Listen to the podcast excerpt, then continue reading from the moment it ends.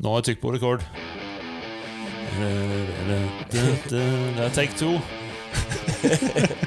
Record-knappen er så viktig. Det er så viktig. Altså, den er knallgrønn når det ikke er på, og så er knallrødt når det er på. Likevel så har jeg glemt den eh, en god del ganger. Grønt lys skal jo være bra. Ja, ja Vidar, eh, velkommen til OTB-podden. Takk, takk, James Hyggelig å se deg. Du skulker siste. Ja, jeg prøvde så godt jeg kunne å komme unna her, men dere kom jo hit, så da er det ikke så lett. Nå er det hjemme hos meg. Ja, ja. Har du trent i dag?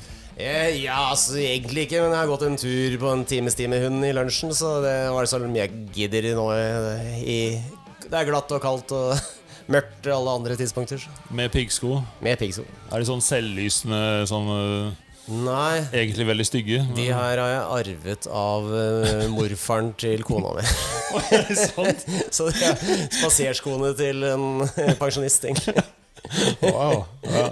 Jeg Det har, er joggeskotype, da. Jeg, jeg, har, jeg har trent min uh, 14. Fit for Racing-program i dag, så jeg sto på. I kjelleren uh, rett før jeg spiste lunsj i dag. Hørtes beinhardt ut. Ja, det var beinhardt. ja. Det var beinhardt ja. Jeg dro et par strikker etter at jeg kom hjem, faktisk. Hårstrikker? Hårstrikker. Ja, ja. Eh, vi eh, har en gjest her i dag. Og det er en som har eh, vært eh, på podkasten før. Eh, og så var han jævlig gira på å komme tilbake på podkasten. Ja, ja, det er- Det er veldig hyggelig at folk har lyst til å lytte til podkasten. Og enda hyggeligere at folk har lyst til å komme tilbake og være med podkasten. ja, ja, han var jo med en del av en crew forrige gang. og da kom han med masse forslag om har jo basically lagd podkasten for oss, så vi er spent. Ja. for det, det, er, det er jo et godt poeng. For at, uh, vi vet sånn på en måte hva vi skal snakke om, men vi vet ikke helt. Så vanligvis så sitter vi her med shownotes og har forberedt oss litt. grann, Men akkurat i dag så er vi egentlig ganske freestyle. Ja, ja. Free ride, kanskje. Skal vi jo bare starte med Det kan vi. Vi har eh, Johannes eh, Dvorak Lagos. Dvorak Hvordan uttaler vi dette igjen? Ja. uttales eh, Dvorak. Å, Oh, det det? Og det er fra hva, Det er tsjekkisk eh, Halvt tsjekkisk kone. ja, ja, riktig. riktig Ja, Velkommen tilbake. Jo, takk, takk. Ja, ja, ja. Jeg, har Eh, liksom, jeg begynner å bli kjent for å mase meg til uh, invitasjoner på podkast. Det er bra.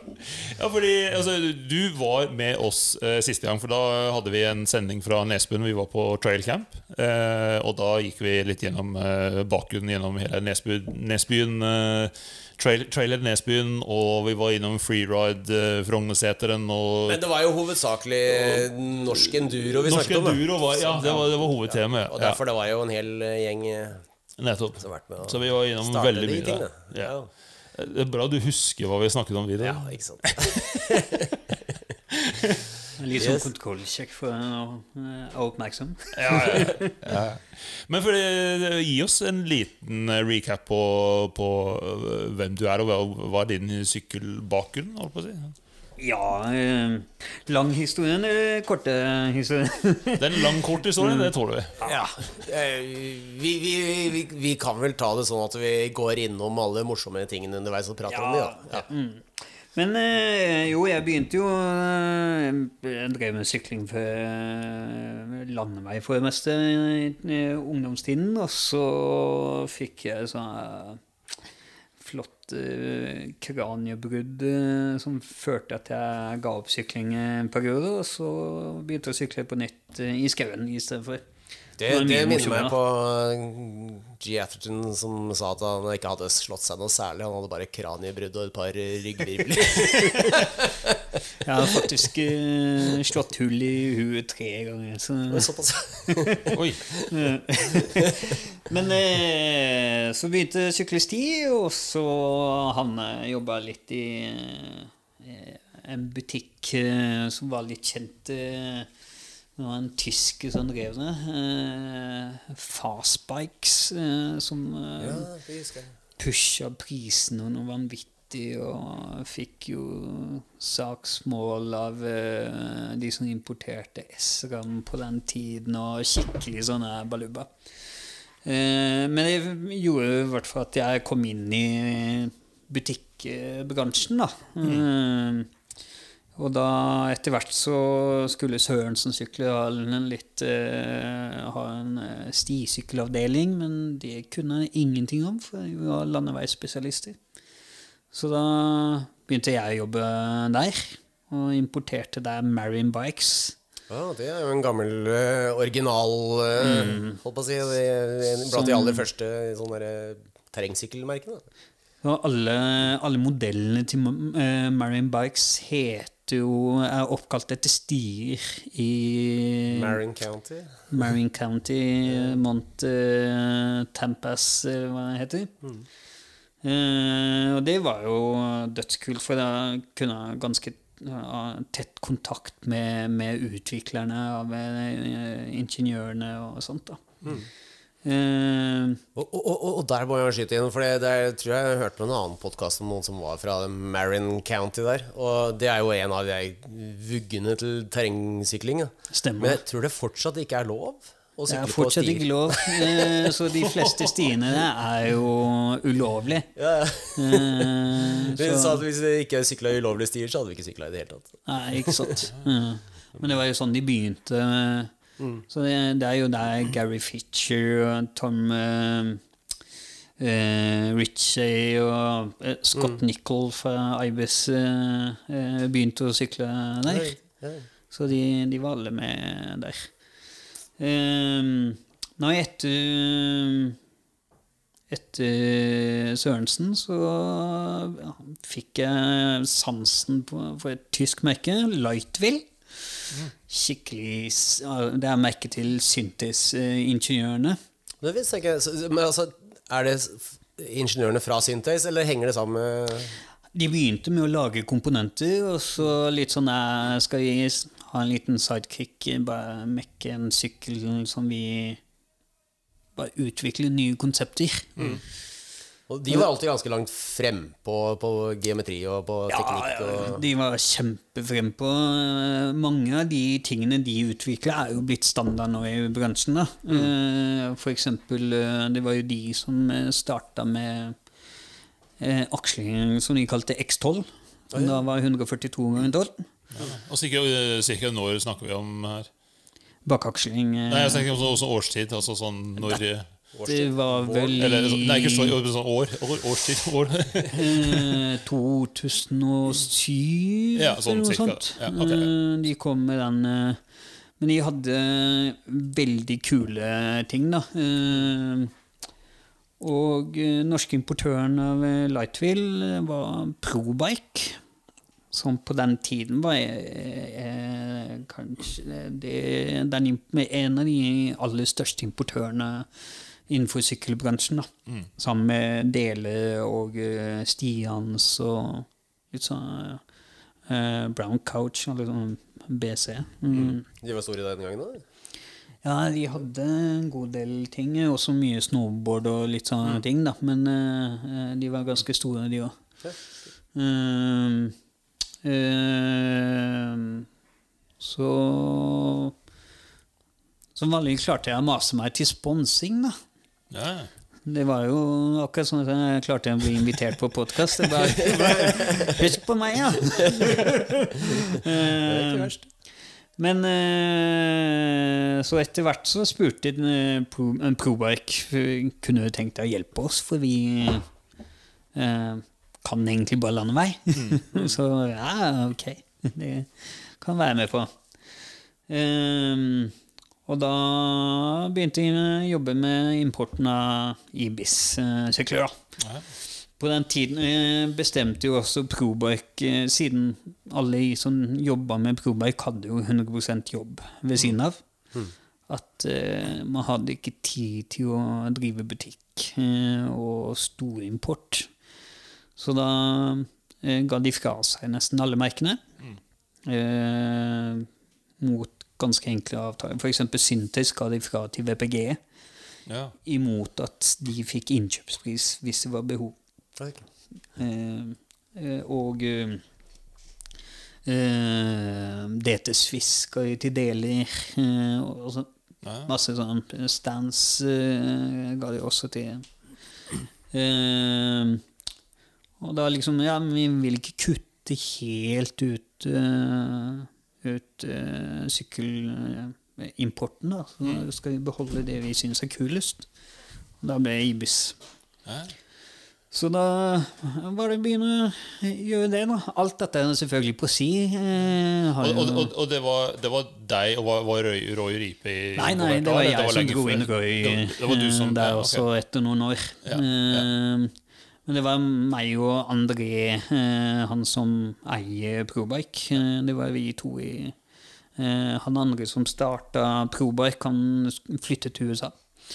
Så da Men med Ibis der åpna seg en god del dører, da. Eh, eh, På et tidspunkt så bestemte vi liksom kanskje vi skal begynne med å eh, sponse litt flere ryttere og sånt. Og da var det jo samtidig med at uh, Rufus eh, Price uh, inviterte på pizza som han aldri betalte. Ja, ja, ja. uh, og da liksom Ja, det går litt sånn rykter om vi skal starte en Nuro og sånt. Og det, det hadde jo allerede bli, slått an nede i Europa, særlig i Italia og Frankrike.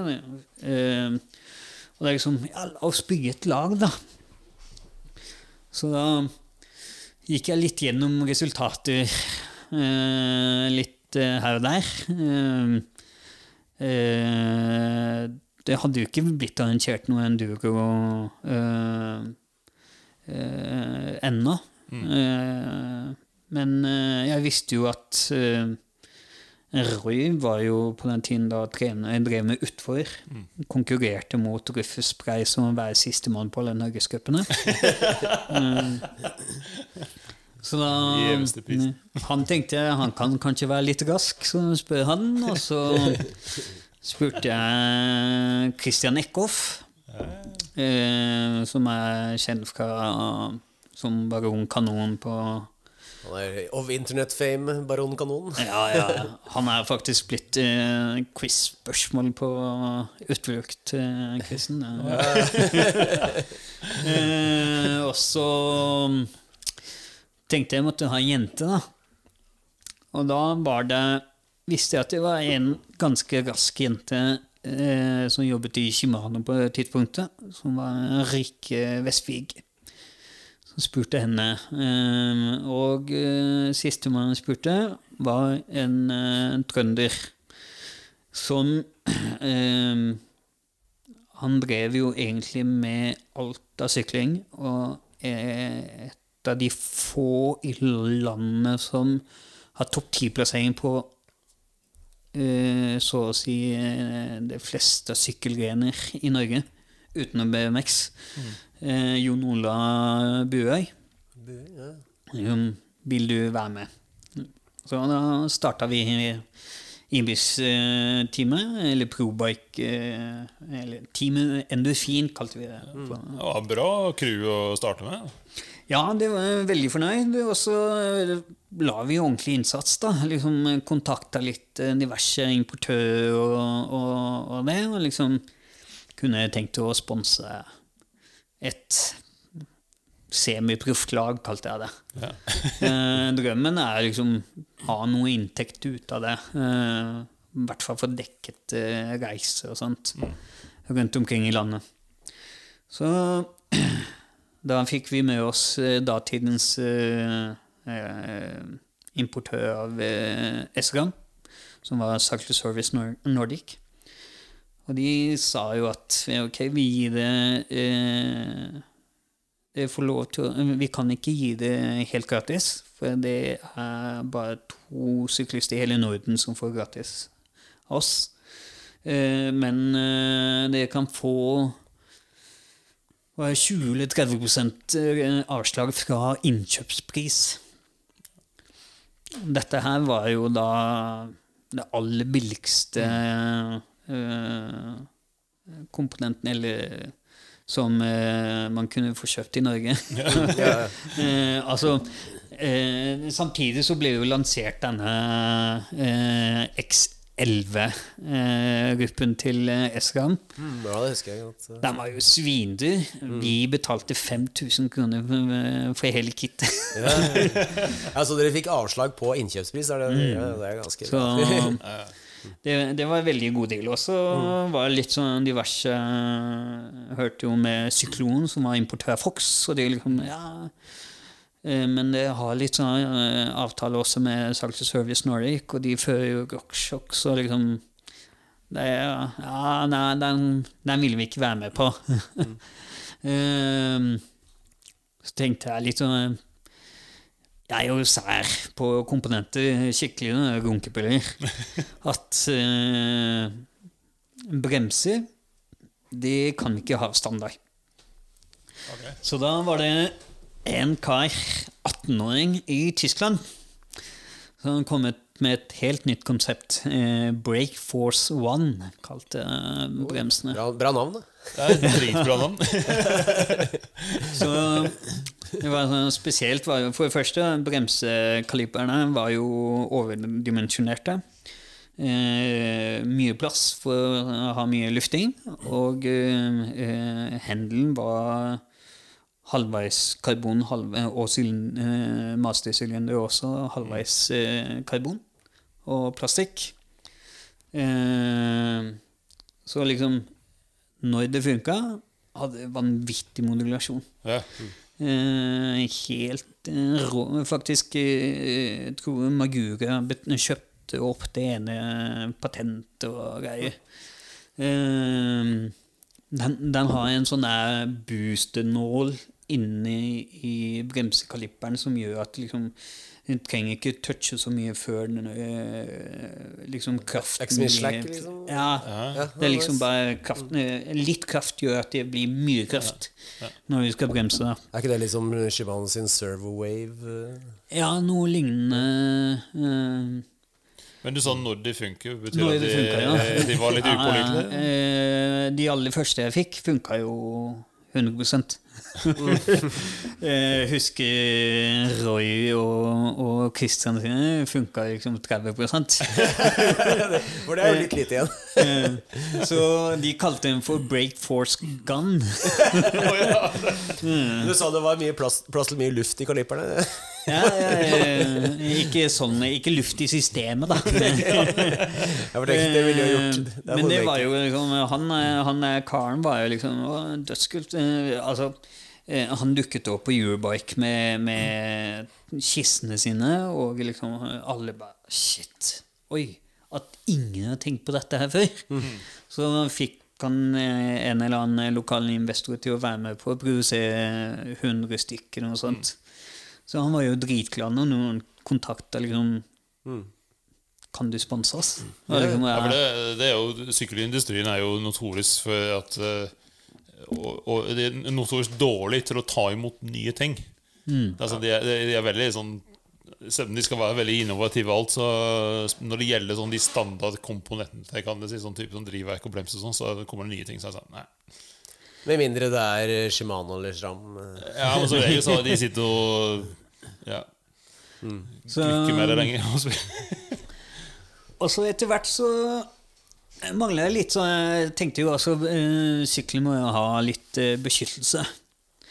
Og det var litt sånn interessant, eh, for jeg kom over på MTBR-forumet.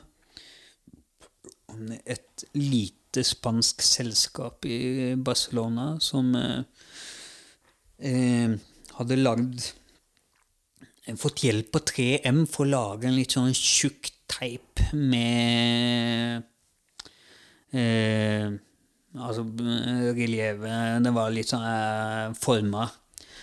Så de tenkte liksom at eh, det her hjalp jo til med å beskytte syklene mot de verste steinslagene og sånt. Og jeg var liksom ah, det er Kanskje nytt og kult. Så jeg tok kontakt med All Mountain Style, da. Jeg tenkte kanskje det var det du tenkte på. det. Så de, de var jo sånn Jøss, hvor har du hørt om oss? Eh, liksom, jeg bare tråler internettet hele tiden. Jeg sitter jo foran en Mac dagen lang, så jeg har god tid til å finne ut sånne ting. Så eh, Snakka med dem og liksom eh, ja, 'Hvor er du?' Og liksom, jeg snakker jo spansk i tillegg, så jeg kontakta dem på spansk, eh, og de liksom Jøss, yes, nordmann som eh, prater spansk og liksom har hørt om oss og, og det. da.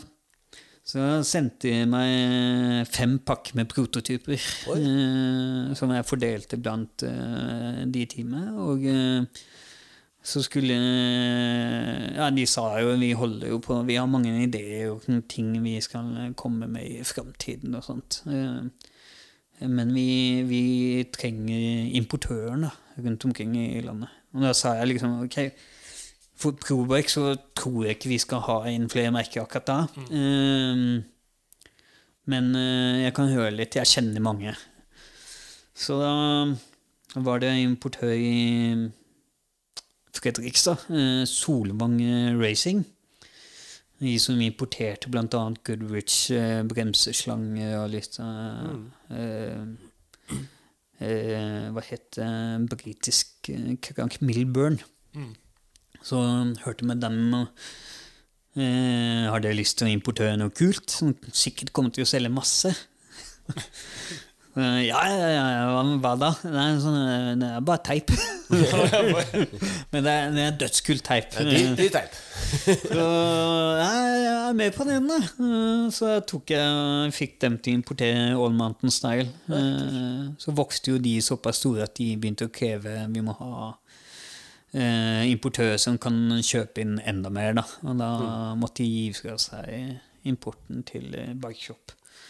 Ja. Så, Nei, men det var ikke sånn type som ligger på sånn slapper-tape? Eh, sånn tjukk, nesten sånn Ja, det, det er jo tre-fire millimeter tykk teip. Ja, okay, da regner vi litt, da. Ja. Uh, Men da er det stort sett på underøret, gjorde man ikke? For å stoppe steinen fra å? Ja, altså det kom eh, to sånne lange remser som var formet eh, som en pil. Mm. Ja. Uh, og som flere sånne små, typisk uh, for å unngå at uh, bremsevaierne gnager på uh, ramma og sånt. Mm.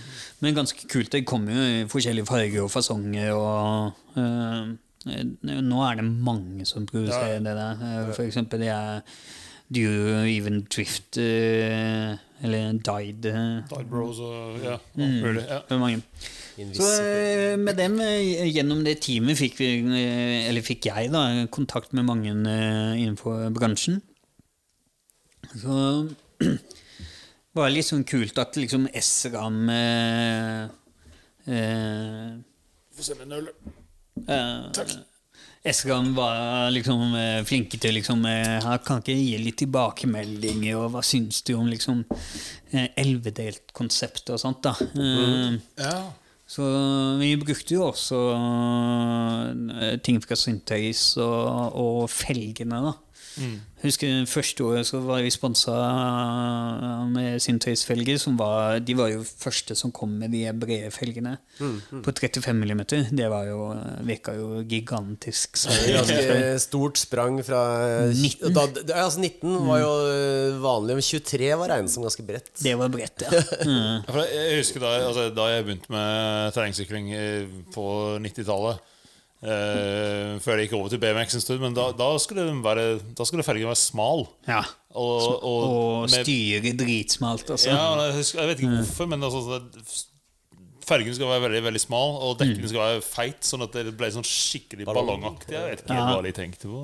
Det var jo sånn de begynte originalt. ikke sant? Det skulle ja. være ballong. Eh, ja. Men det var de felgene pga. det var 28 eh, i diameter. Mm. Det var jo følge som kom fra landeveissykler. Ja. Så det ble jo skikkelig ballong. Eh, eh, så det Det var kult å liksom starte teamet, og, og vi vi var jo det første teamet i Norge eh, som faktisk hadde spons og diverse ja, i, i, enduro, i hvert fall. Det har også vært, kanskje vært noe annet i downhill ja, Selvfølgelig cross country, men enduro var jo på en måte up and coming. Det, men det var jo allerede det, det Dere starta sånn 12-13 sånn? Uh, teamet var vel 2012, tror jeg vi begynte. 2013 var det. Mm. Så da var det jo allerede egentlig blitt eh, full, Ja, det var full flamme. samtidig med, ja, som alt over hele Europa kom samtidig, liksom. Ja. Mm. Eh, De var jo tidlig ute i Frankrike. Der hadde de jo holdt på i ti år. ja, Men da visste de ikke at det het enduro helt til å begynne med heller. sikkert. Eh, nei, Frankrike het noe he helt annet. Men i Italia så kalte de det for superduro. Oh, ja. Der var jo han eh, Enrico Guala, som eh, han fikk kallenavnet Pope of Enduro. Ja, okay. Han eh, drev eh, eh, med det superenduro. Så det var litt sånn inspirasjon derfra. og- Og det var litt det jeg kunne gå til eh, importør. liksom dette her blir faktisk det neste store. Eh, det kommer til å selge mye med styrsykling og Ja, ja. Men du var ganske uh, utenfor øh, altså Outside the box, på en måte. At det liksom Ibix så ikke var noe sånn stor kommersmerke. Og så hadde Nei, Breakforce så- One og diverse. Så det, På den tiden eh, så var jo eh, så å si hele inntekten til Broberg var jo vi fem som var sponsa. Vi, vi betalte jo innkjøpspris på, på syklene, og det, det var jo det de solgte. Eh, så I- Ibis eh, liksom internasjonalt har vært kjempesnille med med mange importører. Da, for jeg, eh, de var jo så små at de liksom Ok, vi want to keep in family. Eh, og liksom for dem var det veldig viktig, det er Ibis-familien. Så mange eh, sykkelmerker sier liksom ah, 'Kult, vil du importere til Norge, men du må ta inn container minst'. ja. Eh, starte med det. Eh, Ibis eh, alltid vært sånn her liksom Ok, det, vi, vi selger det dere klarer å selge. Eh, hvis jeg vil ha liksom eh, stokke opp eh, tidlig på sesongen, så er det dødskult. Det er det vi vil egentlig vil, for det gir jo Ibis også litt trygghet. Men eller så kan det også ta liksom eh, ved bestilling ved behov, da. Så det var liksom Ja, ok, ja, det er det vi må gjøre, for at vi vi har jo ikke noe inntekt uh, utenom det vi selger. Så alle, alle kundene våre var, visste jo liksom ok, de bestilte, og så betalte de når sykkelen ankom. Uh, og eh, de måtte vente i to-tre uker. Men som alltid, da, et selskap i vekst medførte jo også at det ble mye venting. Så innimellom de to-tre ukene kunne bli halve sesongen. Men det gikk greit eh, når du begynte å selge og importere og selge Ibis. Eh, interessen kom det ganske av seg sjøl ganske greit? Eller? Nei, vi har jobba ganske hardt Ja. for eh, der vi er nå. Eh, godt liksom fra å, å selge liksom Vi var drithappy hvis vi klarte å selge ti sykler i året. Eh, når vi sponsa fem. og de, mange av dem skulle ha to sykler, så egentlig så var det jo bare oss og kanskje har dere det også.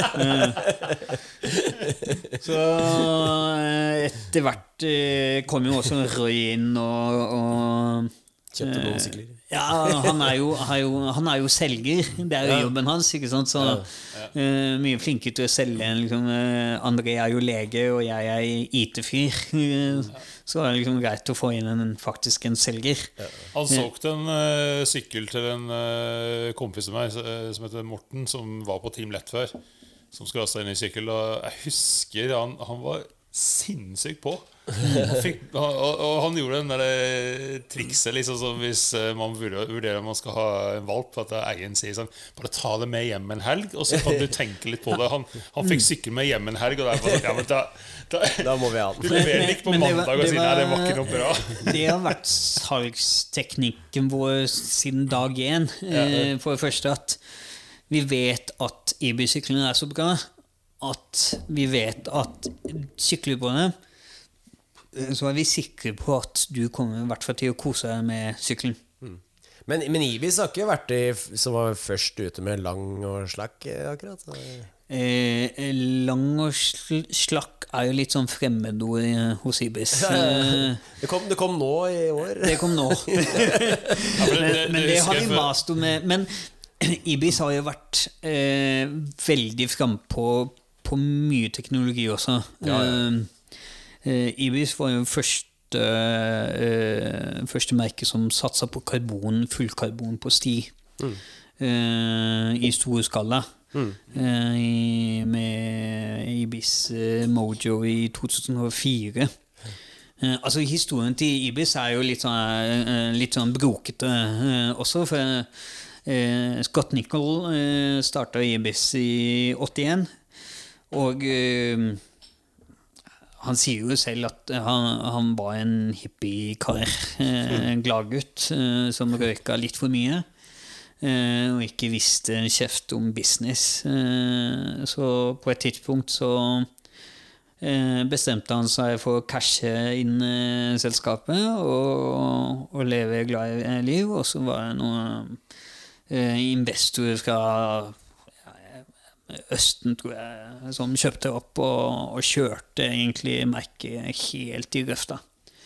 Så jeg var jo borte noen år. eh, Og da eh, var det en gruppe med mannfolk, eh, blant annet eh, fra Santa Cruz og Giant og litt diverse, at eh, de ønsket eh, De kontakta han Scott Nichol. eh, Kunne tenkt å være med på å kjøpe opp eh, konkursboet, for det har gått konk, da.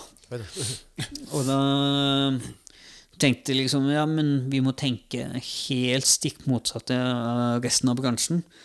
Så jeg tok kontakt med en industridesigner som ikke kunne noe sykkel. Det var, det var faktisk et av kravene. Vi vil ikke at det skal være en, en sykkelingeniør. Ja, for da har du, har du ikke noe eh, Legacy, liksom. Ja, eller gammel bagasje du drar Ja, med. ikke sant? Ja, ikke sant? Han drar ikke med seg gammel eh, eh, dårlige vaner og Nettopp. diverse. Ja, Så da kom de over en ei jente som heter Roxy Lowe. Bitte liten eh, amerikansk dame på jeg tror M50 eller noe sånt. Og Hun kunne tenkt å være med og eie et sykkelmerke og, og lage sykler. State of the art, da. Men den sykkelen du skal lage, den skal ha et designspråk som du skal kunne ta med videre minst 30 år fremover i tid. ja. Eh, og hun liksom ja, Jeg kan ikke en skit om sykkel, jeg. liksom, ja, men det er bare jævla bra, for da, da kan du designe helt fritt etter eget ønske. Ja. Eh, så da lagde de en sykkel som i 2004 så jo superfuturistisk ut. Og det, de lanserte i, offisielt i 2005. Og eh, ja, det var, var i karbon, og det så jo ikke ut som en typisk sykkel. For, for, før så var jo syklene to diamanter. Eller én diamant, tre, to trekanter som så ut som en diamant. Det var standard utforming. Dette her var jo For det første var jeg ikke rund. Eh, Rørene, eh, hvis man kan kalle det rør, det var jo full karbon, det var jo flate. Eh, og så hadde de en, eh, en litt sånn diagonal eh, eh, form i midten, eh, hvor vi kunne feste baktemperen. Så de var de første som kom med, eh, med karbonsykkel på sti. De fikk jo liksom ja, Karbon på sti, det der Jeg husker det var mye skepsis i gamle dager. Om Ja, ja, karbon rundt alt. eh. Og Men karbon var jo litt sketchy i starten. eh. Det, det, Ja, var jo, men- det var jo karbon hardtails på 90-tallet, husker jeg. Men det var, det var noe beregna liksom for uh, bruk og kast. Uh, Ja, Ja, ja men vanligvis så På den tiden så tok man aluminiumsrør, og så la man karbon oppå. Eh, mange av de var jo liksom eh, kappa den i to, så så det liksom det var en eller annen form for metallallegering i midten. For, Og så hadde de liksom, sånne aluminium lugs òg. Ja. Litt sånn som Afton Bikes. Ja, ja, som er, som er litt eh, Det var ganske vanlig. Eh, så det var liksom eh, Ibis eh, drev jo og fikla med karbondeler i sent på 80-tallet, til og med. Eh, så liksom, noe karbon har jo alltid vært eh, til stede, men ikke vellykket. da. Så liksom en ren karbonsykkel, det var liksom eh, for å sykle der det er jævla mye steiner, det Hæ? Eh, så vi møtte opp eh, på um, Sea Otter. Det var Sea Otter. Sea Otter, ja. ja, med den eh, sykkelen, og de liksom er Hæ? Det der kommer til å gå så gærent, og det misbruker navnet til Ibis og, og sånt. Men eh, sjakktrekket var jo også at de brukte han der Scott Nichol, som eh, hadde starta merket som eh, eh, Hans eneste ansvar var markedsføring. Ja, ja. Ikke noe business. For det innrømmet han, det var han ikke så flink på. Nei, nei, men han, han, han hadde liksom navnet og Ja, ikke sant, historien sånn bak historien. Så eh, Og han andre var jo eh, Var jo president i Santa Cruz eh, og diverse Uh, Ibis og Santa Cruz har jo mye Santa- historie Ja, sammen. de, er, de er vel ikke så langt fra hverandre. Nei, de deler parkeringsplass. De deler parkeringsplass, ja. så det er ganske nære. ja, eh, altså, nå, nå har de flytta, da. De har flytta litt ut, utover ørkenen. Eh, hvor de har begynt å prøve seg også karbonsykler i USA. Da. Eh, jeg også var jo de også nummer to med, med uh, brede felger. Det, Rett etter Synthase. Uh, Ja, er det, var, det, var det samme felgene? For de også var veldig store på 35 mm. Uh, Eller lagde de sin sine egne første sånn? felgen var jo eh, Det var jo den første breie felgen i karbon. da De lagde sammen et eh, ganske lite og sært uh, sykkelmerke som heter Derby. Eh, som de delte patentet med. Og så eh, felgen de har ute nå, de deler med Stance Ja, utvikla sammen. Ehm, og så var det Det var de første som lagde fulldempa i 29 som faktisk gikk an å sykle i skauen. Ja. Eh, ikke Ja, altså, bare maraton. Ja, ikke sant? Ibis har vel alltid vært liksom noe av det beste på tråkkeeffektivitet og oppover, Ja, ja. oppover i, ter i terrenget, da. Ja. Ja, ikke sant. Det er, der, der bruker eh, eh, opphenget til han eh, Day Wiggle, eh, som eh. Han, han eier jo drøssevis av opphengspatenter, da. Men eh, det er DV-link, det, det er jo helt eh, vanvittig rå i forhold til tråkking, og du kan stå og Men- tråkke kjeft og Ja, alt. men ak akkurat nå så er det jo mange som gjør omtrent det samme. Men det er jo hvordan du tuner det også. Det er jo mange sykler med DV-link som har veldig forskjellige tråkkeegenskaper. eh. Ja. Eh, det fins jo mange forskjellige iterasjoner av DV-Link. Eh, eh, og som sagt, han har jo mange oppheng både for single pivot og Han saksøkte jo trekk pga. det active break pivot. Eh, Ligna litt for mye på det ene opphenget deres. Og, Evil sin er vel en ny versjon Evil fra han Delta også. Ja. eh, er jo eh, Dave jeg Husker ikke hva Ja, det så det. ELTA står for, men det var et eller annet sånt alternativ alternative oppheng til Dave. Eh, Så eh, Atterton Bikes eh, Pivot bruker jo Devilink. Eh, Så det er ganske mange eh, der ute. Eh, så det eh, det, det er ganske lignende konsept enn det BPP til eh, Santa Cruz eh, er, da. Det, det er det. Så, men lang og slakk, det er jo først nå med HD6. Mm. altså, Ibis har jo lenge tenkt at vi skal lage sykler som du skal sykle 95% av tiden din. Og det er ikke nødvendigvis kun nedover. Nei, ikke sant. Ikke sant? Eh, og det er heller eh, Det er heller ikke vanlig at du sykler bare nedover. Nei. Og, og, og, så er jo, eh, så er jo sånt eh, sykler som er lagd eh, kanskje ikke det aller lengste og slakkeste kan være litt morsommere for veldig mange. Ja, ikke sant. Men allikevel, disse enduro-teamene så har jo vunnet fabrikkmesterskapet mange ganger. Så, Det, det har det. Eh, så det der- funker for pro proffer. Ja, der, der var jeg også involvert, da. Tom, eh, som eh, er daglig leder hos eh, Ibis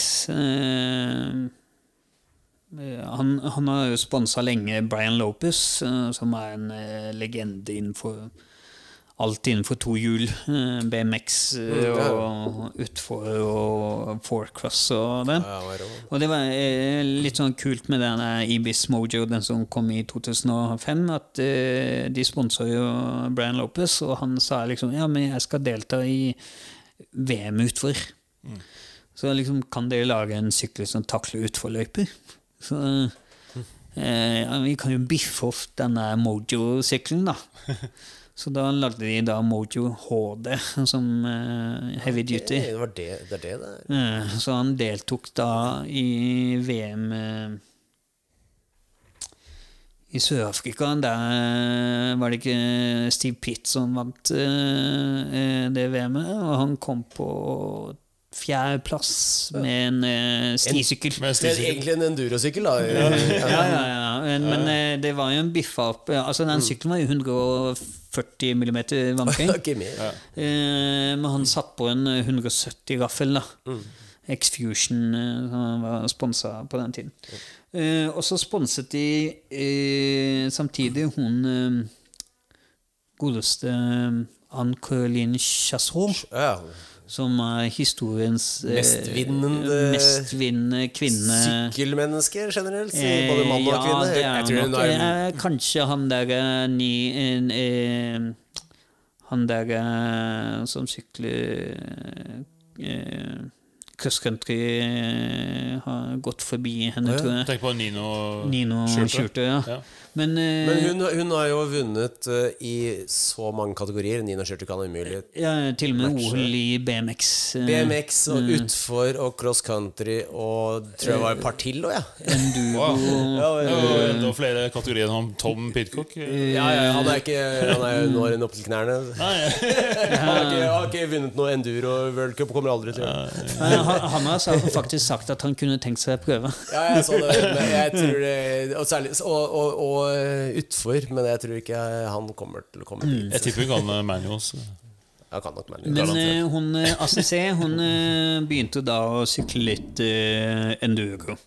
Og det var liksom Jeg snakka jo da med han Tom. eh, han kunne ikke vært litt sånn kult å samle en gjeng, og nå kom eh, Da, da gikk det rykter om at EVS skulle komme, da. Eh, men eh, at eh, lage et team og liksom eh, satse litt ordentlig. Tom sa liksom at ja, men jeg har ikke helt kapasiteten, da. Så jeg sa jeg kan hjelpe deg, jeg. Eh, Og plutselig ble jeg involvert i å starte et ordentlig eh, profesjonelt lag. da Der skulle jeg jo ha betalt. du, du var med på EVS-laget og organisere det? Ja. Ja, det er- eh, og det var sånn Ok, vi lager oss en liste mulig bransjeselskaper som vi kanskje kunne hørt om kunne sponse. Og så eh, selskaper utafor bransjen. Eh, eh, så vi fordelte oss. Ok, du tar kontakt med KLM. Eh, Eh, Han har jo da selvfølgelig kontakt med Maxis og Fox og selvfølgelig Shimano og diverse, så jeg liksom bare spør dem. Og jeg sa ok, jeg kan f.eks. spørre Tule i Sverige. Eh, KLM er jo i Europa, de kan jeg selvfølgelig prøve å kontakte. Eh, hvem flere? Eh, Hertz, Avis Litt sånne utradisjonelle. Og liksom banke på døren. Vet du hva? At jeg nå kommer til å starte en sykkelserie serie som kommer til å slå an, og diverse. Og liksom KLM var Hæ, hvem er du? men eh, også var det liksom Ok, skal vi samle ryttere, da? Og han visste jo ikke liksom Ok, jeg kan høre med hun eh, Ann-Caroline om eh, hun kan tipse om noen. Og så eh, fint hvis du også tipser noen. Eh, også med teamet hadde jo vi vært i Deltatt i denne Trans eh, Savoy i Frankrike. Og da hadde vi jo kommet i god kontakt med en del eh, folk, da. Eh, blant annet han eh, eh, Jamie Nichols, som var da sponsa Polygon. Eh, og så eh, Dan Wolf eh, fra Irland. Og, Han som driver og rapporterer for uh, Pinkbike hele tiden. Eh, og som var en skotte eh, som sykler på den tiden. Han sykler for Ibis i England og for Lapierre, den samme importøren. Eh, så jeg liksom begynte å prate litt med dem, og, og, og jeg syns jo egentlig Dan Wolf var mye mer spennende enn han er skotten. da. Eh, så jeg snakka jo liksom Dan, ok eh, Hvor mye trenger du for å satse internasjonalt? Han liksom Å, ja, shit, ingen det har jeg ikke tenkt på, men jeg, jeg har en stor drøm, da. Så liksom, ja, hva med Altså, jeg trenger jo egentlig bare få utstyr, og så dekke reise. Eh, mat, eh, det kan jeg skaffe sjæl, liksom. Eh, så liksom, ja, si maks 10 000 eh, 10 000 euro i året. Ja, greit, ok, jeg skal høre med bossen, da. Og så hørte jo selvfølgelig med han der Jamie, men han liksom Ja, men jeg har en god lønn fra, fra Polygon, og men det Men takk for interessen. Men eh, så begynte vi å spille inn litt sånn ryttere her og der, og så ble vi enige at eh, ok, hun er ACC, hun skulle satse også en duo, og ble med på å kjøre full sesong. Og så eh, Brian Lopez var litt sånn smålunken, for han til tider følte liksom eh, ja, at eh, han begynte å dra litt på årene, og så at, eh, ble innimellom tvunget av sponsorene til å dra du må delta på det rittet. Og han liksom Ja, er det det jeg vil? Eh, og så hvem var det Jo, så ble jo han der skotten da eh, med av en forbindelse med importøren i England. Og øh, øh, en dame som er gift med fotografen til Pink Bike. Eh, Mary Moncourts. Husker ikke om hun var fra Frankrike, eller hun bodde i hvert fall der, da.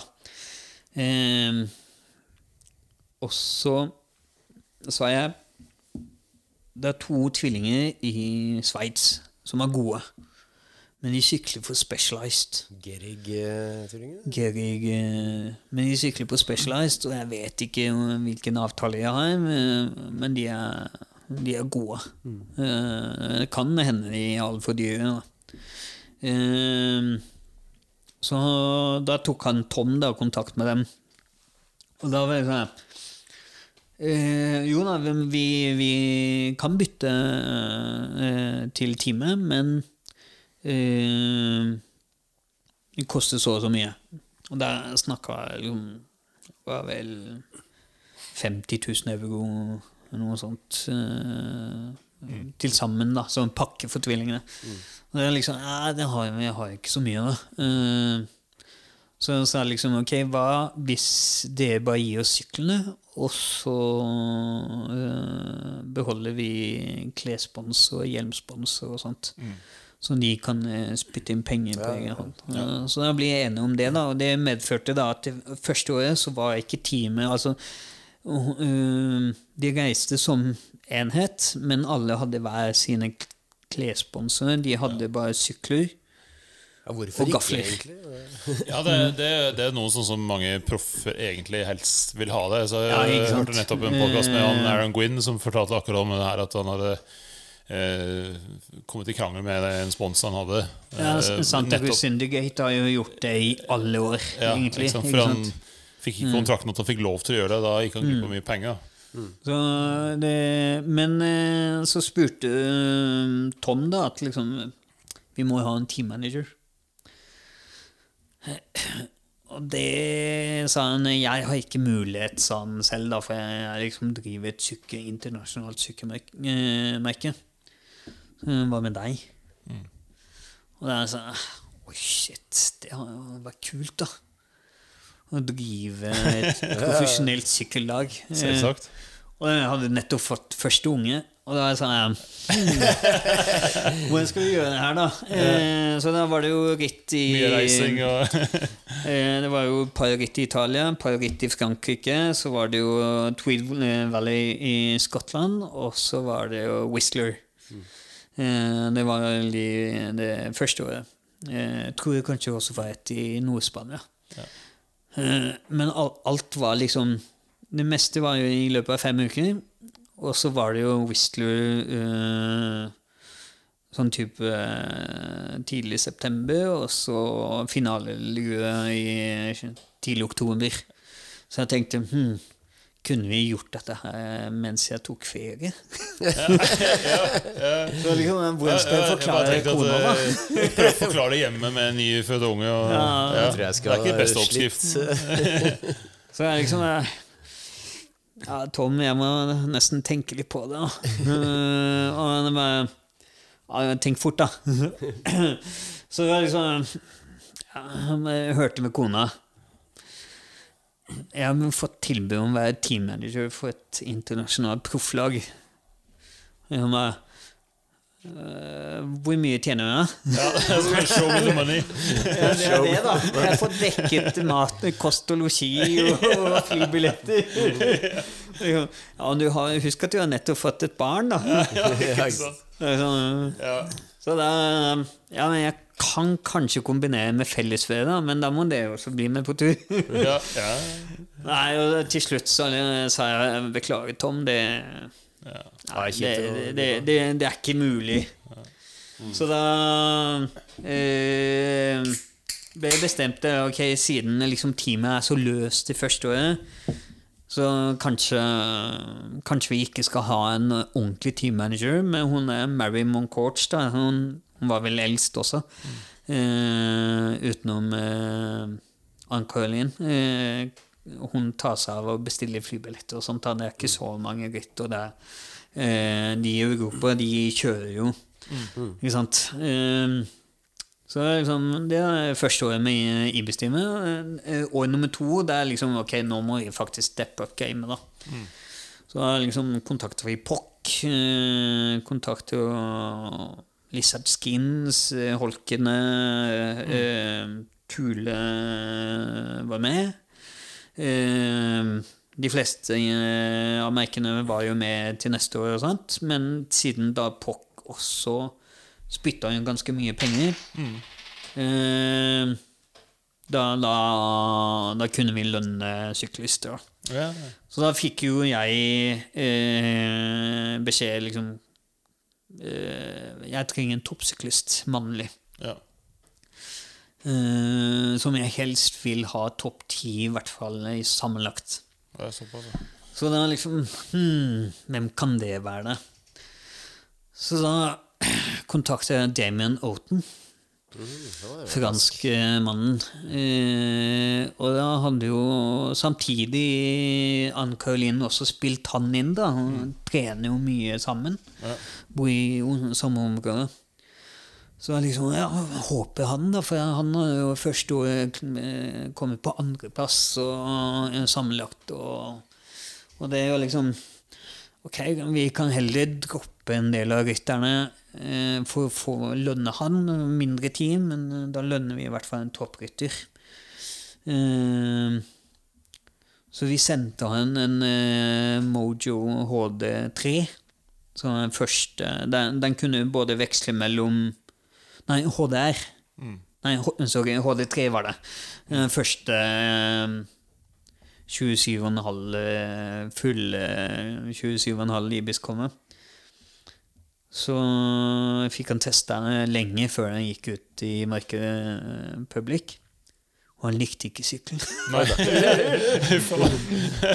Så da sa han liksom Beklager.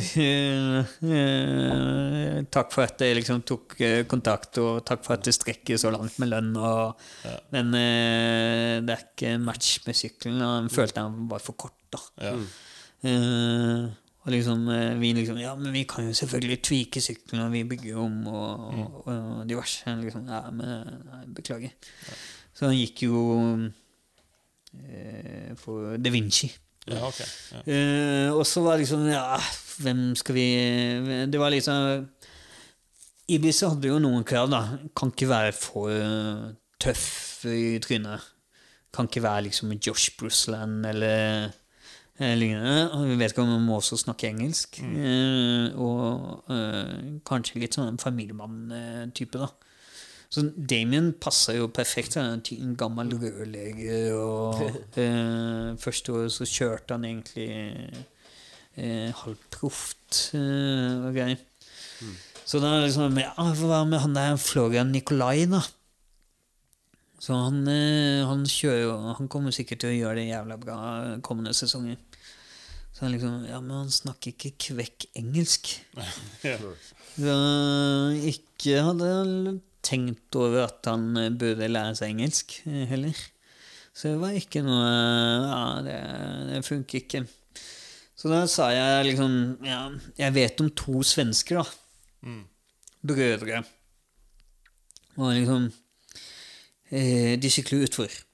De har et eget lite team. De er sponsa eh, av Ørlins. Eh, og de da eh, Det kan jo hende de kommer med krav at de må, begge to må være på team eller lignende. Eh, og kanskje må få en earlins og sånt, da, men de har jo eh, De har jo avtale med Puck fra før.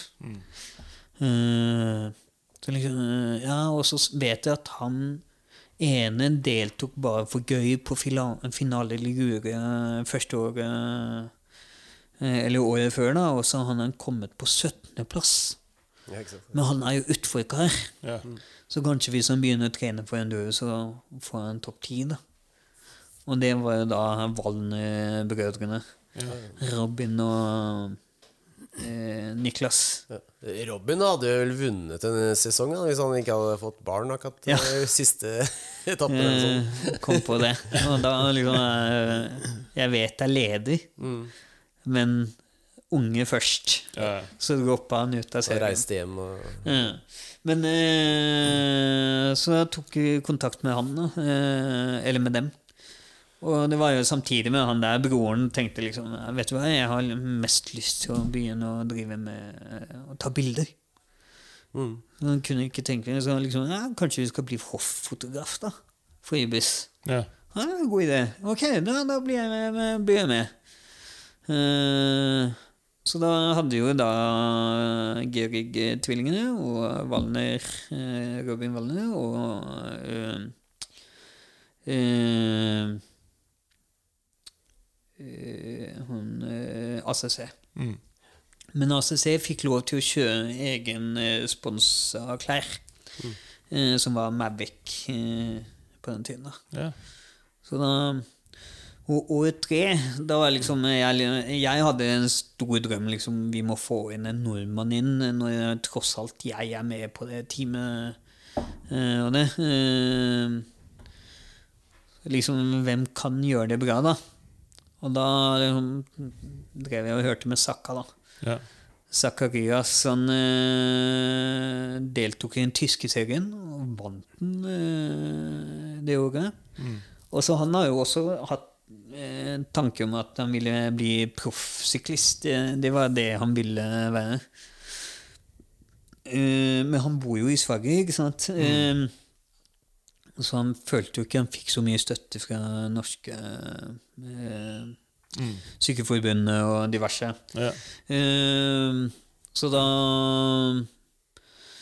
hadde jo også samtidig da, Robin eh, eh, bedt Tom Jeg vil også ha en, eh, en svenske til eh, som eh, jeg trener med, og sånt. Og så er det en ung gutt Så han kommer til å bli god, eh, bare få nok støtte. Og samtidig så nevnte vi Sakka. da. Mm. Så jeg hørte med Sakka liksom Har du lyst til å bli proff?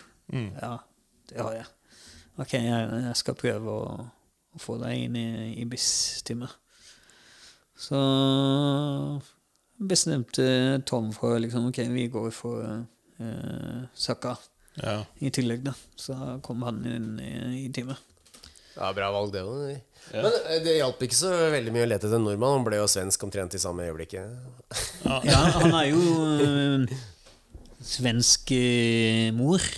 Ja. Eh, Han har vel vokst opp i Norge, men i, i, det, i, det, i det han begynte å synes på EVS, så kjørte han jo rundt med sånn svensk arm Ja. hele tiden. Jo Men det, det var jo fordi han ikke fikk nok støtte fra Norske Sykkelforbundet. Eh, han han eh, flytta til Sverige kun for å gå på terrengsykkelskole i Falun. Eh, og sykla lenge for norske utforlandslaget. Eh, men eh, da han begynte med, med sykle eh, sykle enduro, så fikk han null støtte og, og gehør, da. Så han liksom eh, Ikke akkurat at svenske forbundet er noe særlig bra, men det var én sånn primusmotor i Sverige som var liksom er, eh, Vi må satse på litt mer gravity sport. Eh, og da eh, tok han kontakt med da Sakka. Liksom, jeg vet at du har to pass. Så, og så hadde jo de da svensk mesterskap lenge før Norge eh, har hatt. Hadde det? Ja, ja, ja, sånn offisielt. Ja. Så derfor fikk han da delta eh, der, og siden han også har svensk eh, eh, pass, så liksom fikk han stripene.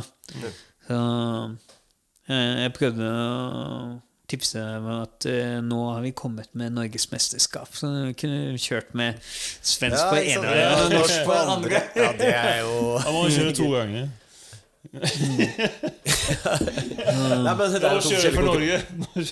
Andre enn så for Sverige. det er to forskjellige konkurranser. Da. får jo norske stripen i norske. Ja, ikke sant? Ja, ja. Så, men eh, det er sånn det er kult å være ordentlig involvert. eh. Så vi ikke hadde sånne reisedøgn og sånt. Vi møttes jo i Lenseheide en gang, og, og da besluttet man for at man skulle bryte med Grieg-tvillingene og eh, diverse Men du har ikke bare vært med å utvikle teamet, altså du har vært med sykkelens utvikling. Ja, eh, lite grann. Helt, ja. Men så- så- som vanlig så er det fordi at jeg maser meg til ting, da. Eh, som dere selv har erfart. Eh, der der Kan, det kan, kan du hjelpe oss å mase om dekk? eh? Så kan vi begynne å teste litt dekk og sånn. Ja? Eh, jeg, jeg pleier å få tilsendt gratisdekk dekk til test eh, en gang i tiden. Eh, så Arsvalde Jeg, jeg har sykla en høst med, med Maxis-dekk. Liksom. jeg, jeg, jeg prøver Jeg tester jo masse dekk hele tiden Jeg av forskjellige merker og diverse. Eh, men ender alltid opp med å havne tilbake på Svalbard. Hvilke, hvilke er favorittdekka dine? Nå er vi kommet inn på dekk. Nå er vi på dekk, det er farlig, farlig tematikken. Eh, egentlig min favorittdekk er Nobbenik i, i eh, eh, soft. Eh, men de eh, Årets pakker litt mye, syns jeg. Eh, og så sitter ikke Altså, Nobbenik har aldri sittet klistra på våt, eh, vått underlag, men det er liksom er litt sånn småraskt stidekk. Mer, Ja, egentlig, sånn- men jeg liker vekten. Ja. Eh, det er jo 800 gram. Ja. Eh, Eh, har, Svalbard var jo alltid så superlette, men nå, etter at de innførte de der nye casingene sine, så er det egentlig ganske blant de tyngste. ja, ja, for at eh, de har ikke lenger de tynneste veggene. Nei. Så, men de har jo sikkert eh, Racing Ralph og diverse sånne lette. Men eh, eh, Jo, jeg har jo vært med på å utvikle litt ting, da. Da, da disse ellevedelte komponentene, eh, eller kitsene, kom fra Eskan. Mm. Uh, man kjørte jo før todelt med taco uh, og kjedefører. Riktig. Uh, og så kom jo elvedelt, da, som liksom på grunn av de er tannhjulet med narrow wides, og sånn at liksom, vi lover at ingenting faller av. Ja. Så det er ikke nødvendigvis med den føreren på toppen, kjedeføreren på toppen. Man trenger egentlig bare beskytte i bånn, da.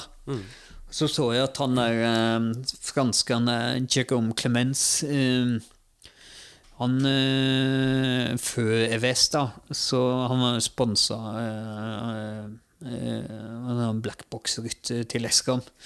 Eh, at han kjørte med kun taco nede.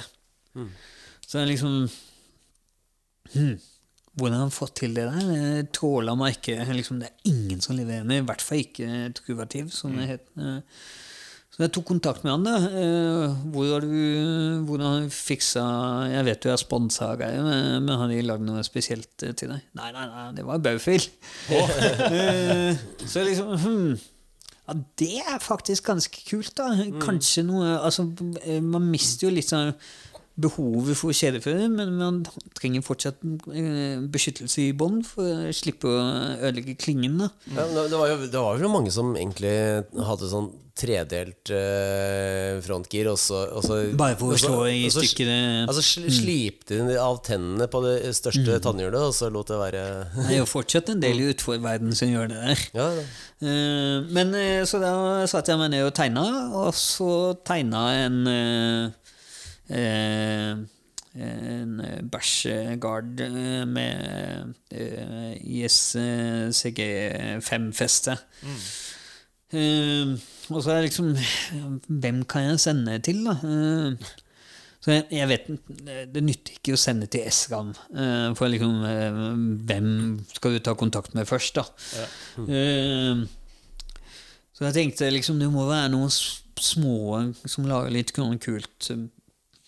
Kanskje er litt sånn eh, en kort vei fra RD til eh, eh, lansering og sånt. Altså MRP eller noe sånt? Eh, så da begynte jeg først å liksom Ok, hvilke merker importeres i Norge? Og så kom jeg på nytt over Solvang Racing, da.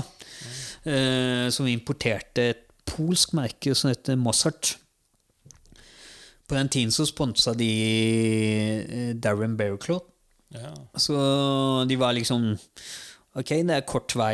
Det er et lite selskap. Det er to-tre stykk. eh, Og så sponser de faktisk noen såpass store eh, at de kan eh, de lager kvalitetsting, da.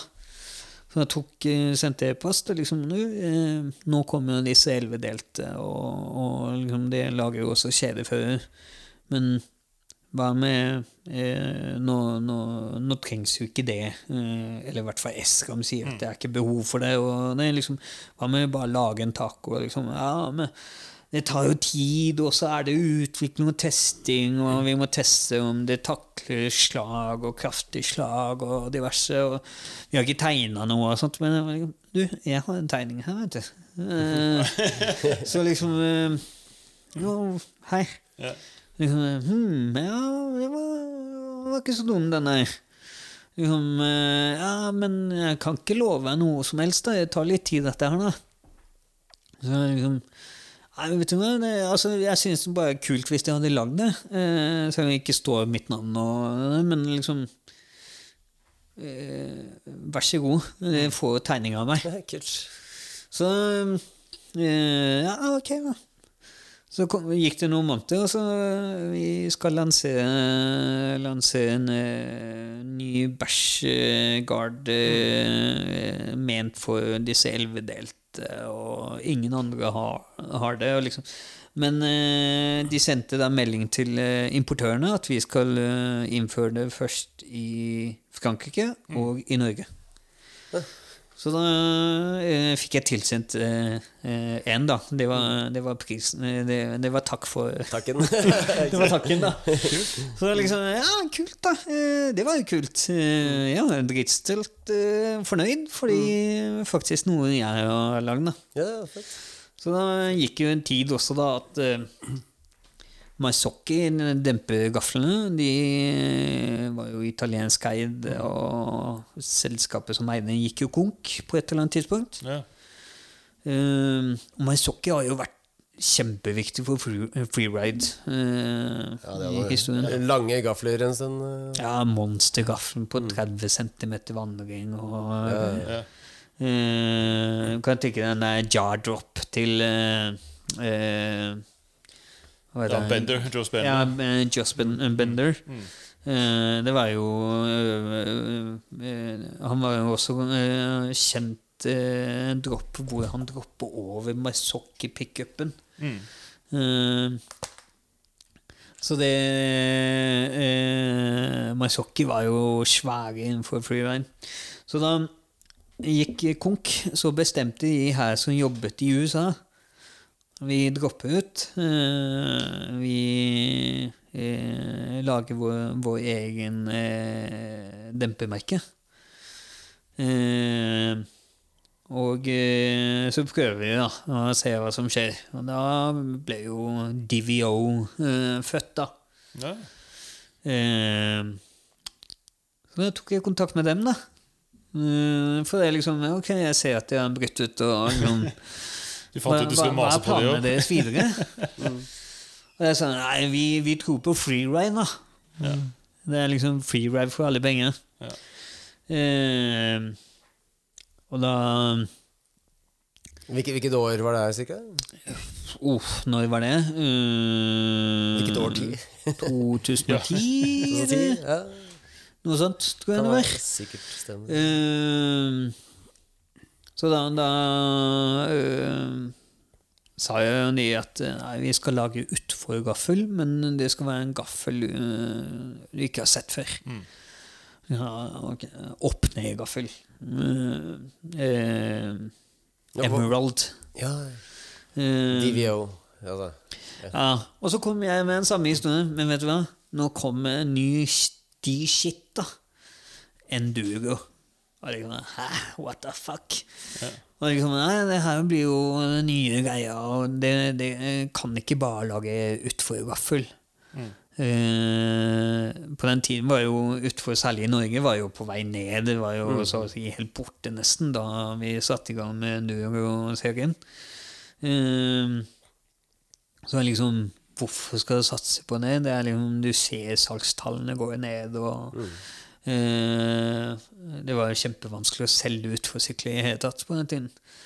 Så jo eh, Nei, nei, vi tror på freeride, og vi tror på Ja, men det må, det må lage minst én 160 gaffel. Ja. Ja, kanskje en gang. det er liksom pell deg vekk. Så jeg fortsetter å mase, da. Eh, Sendte med-post omtrent en gang i måneden og sånt.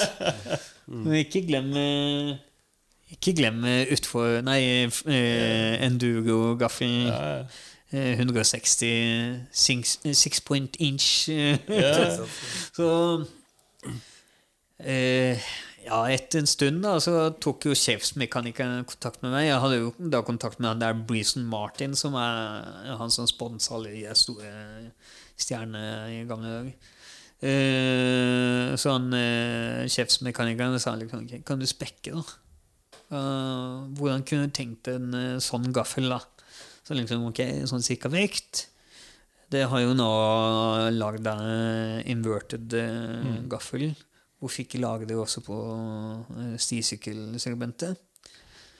Ehm, og så Ja, man skal eh, tune low compression, eh, high compression og low speed, rebound og high speed og diverse. Og kult at du, det kunne selge liksom ferdig skims, da. Altså skimspakker. Ja.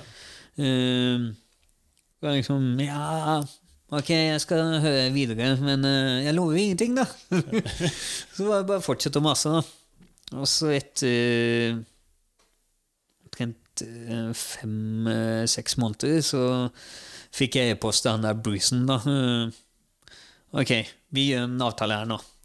Hvis du klarer å samle så og så mange underskrifter, så skal vi begynne å produsere nå. Oi, altså underskriftskampanje for å lage gaffers. Så da eh, lagde vi en Facebook-gruppe. og Bare vi begynte å invitere folk. Og liksom, eh, folkens, Hvis vi klarer å samle så og så mange, så lover faktisk eh, de vi og de skal lage en, en gaffel til oss. Det er kult. Jeg hadde DVO sjøl eh, flere år. Ja, så eh, gikk det Jeg klarte jo å samle liksom, 1500 underskrifter og sånt, og leverte.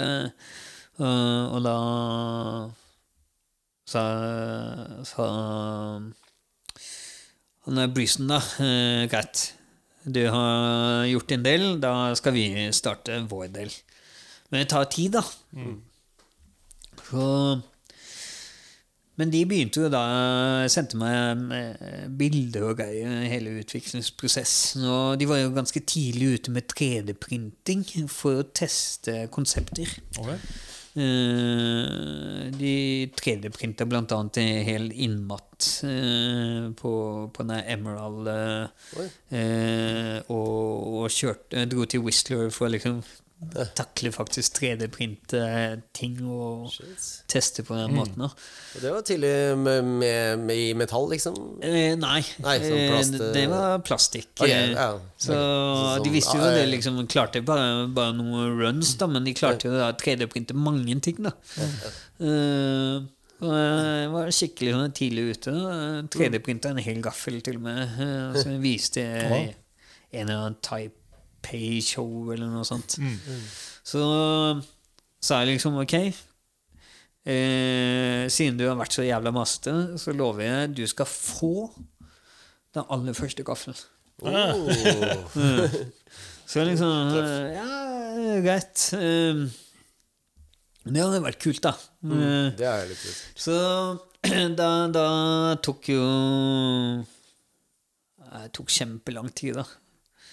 Eh, Jeg tror fire år fra første e-posten til eh, eh, Jeg fikk beskjed nå begynner vi masseproduksjon. Ok, Så det tok såpass, ja. Ja. Fire år. Eh, og på den tiden så var jo eh, Speed Products var jo Jeg, jeg hadde jo selvfølgelig skaffa meg importør her i Norge og da, som var da eh, Bjørn Ballangerud. Eh, og eh, hva het den butikken som lå i Parkveien? Eh, Eh, Anton eh, Nei, nei, nei, nei, eh, Sykkeldelis, tenkte jeg på. en, Nei, Nei, never mind. nei Parkveien, ja. Jeg tenkte det er Bogstadveien. tenkte. Det var ikke det raske gutt, eller Nei, Nei, nei, nei. Det er rask guttelå i Pilestredet. Pilsglass, er- Uh, ja, eh, men eh, de, de eh, ble jo enige om Ok, vi importerer da eh, DVO. Så det, også for dem var jo liksom en takk. Eh, Mm. Skaffa både eh, masse attention og i tillegg eh, importør og greier. Så eh, men på et tidspunkt da bytta importør til han Speed Products fra Santa Cruz. Og eh, eh, så tok de kontakt med, med Tom, da.